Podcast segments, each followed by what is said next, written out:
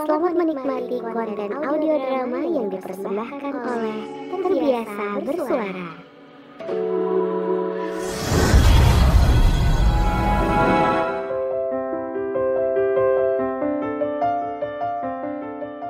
Rin, Hmm.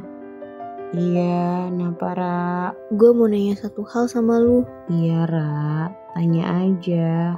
Apa sih? Menurut lu nih, gimana caranya sampah ngebuat lalat sampai suka itu sama sampah? Hmm, pertanyaan lo nih. Ya Allah, please Rin, jangan bercanda dong. Iya, iya, maaf. iya, iya. ya udah, gue jawab ya. Iya, gimana menurut lu? Hmm, kalau menurut gue ya Ra, sampah tuh nggak se-effort yang lu pikir tahu. Gimana maksud lu? Oh iya, lu pernah dengerin kalimat ini nggak? Kamu itu indah dan berharga di mata orang yang tepat. Pernah nggak? Iya, pernah sih Rin. Tapi apa hubungannya? Gini Ra, sampah itu berharga buat lalat. Lalat nggak bakal mau nerima bunga. Mau sekuat apa pun bunga berusaha bilang kalau dia lebih indah, tetep aja Ra, di mata lalat itu sampah lebih indah. Paham nggak tuh lo? Jadi intinya apa nih? Lah, lu duluan. ya udah oke.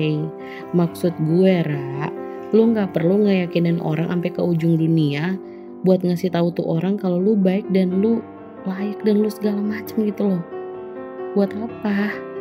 Harusnya gimana dong Rin? Ra, kalau dia orang yang tepat buat lo, dia bakal menghargai lo tanpa perlu lu ngemis. Kalau malah ditinggalin, gimana dong? Kalau dia ninggalin lo, itu artinya dia bukan orang yang tepat buat lo. Simple kan? Hmm, nyesek juga ya Rin. Ya, yang penting Ra, nggak usah nyalain diri sendiri ya. Kalau dia ninggalin lo itu bukan berarti lo buruk tahu. Terus apa dong? Lebih buruk. Ya ampun Ra, bukan gitu Ra. Ya dia bukan orang yang ditakdirkan buat sama-sama sama lo, buat ngejalanin hidup sama lo sampai akhir hayat. Itu doang. Hmm, iya juga sih Rin. Oke Ra, sekali lagi nih ya gue bilangin sama lo. Penting banget, lo itu berharga, lo itu cakep di mata orang yang tepat. Oke? Sip, thank you ya Rin. Iya Ra, sami-sami.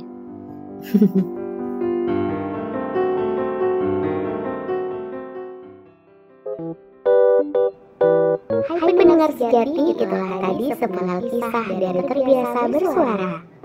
Kamu bisa mendengarkan Terbiasa Bersuara di platform podcast kesayangan kamu.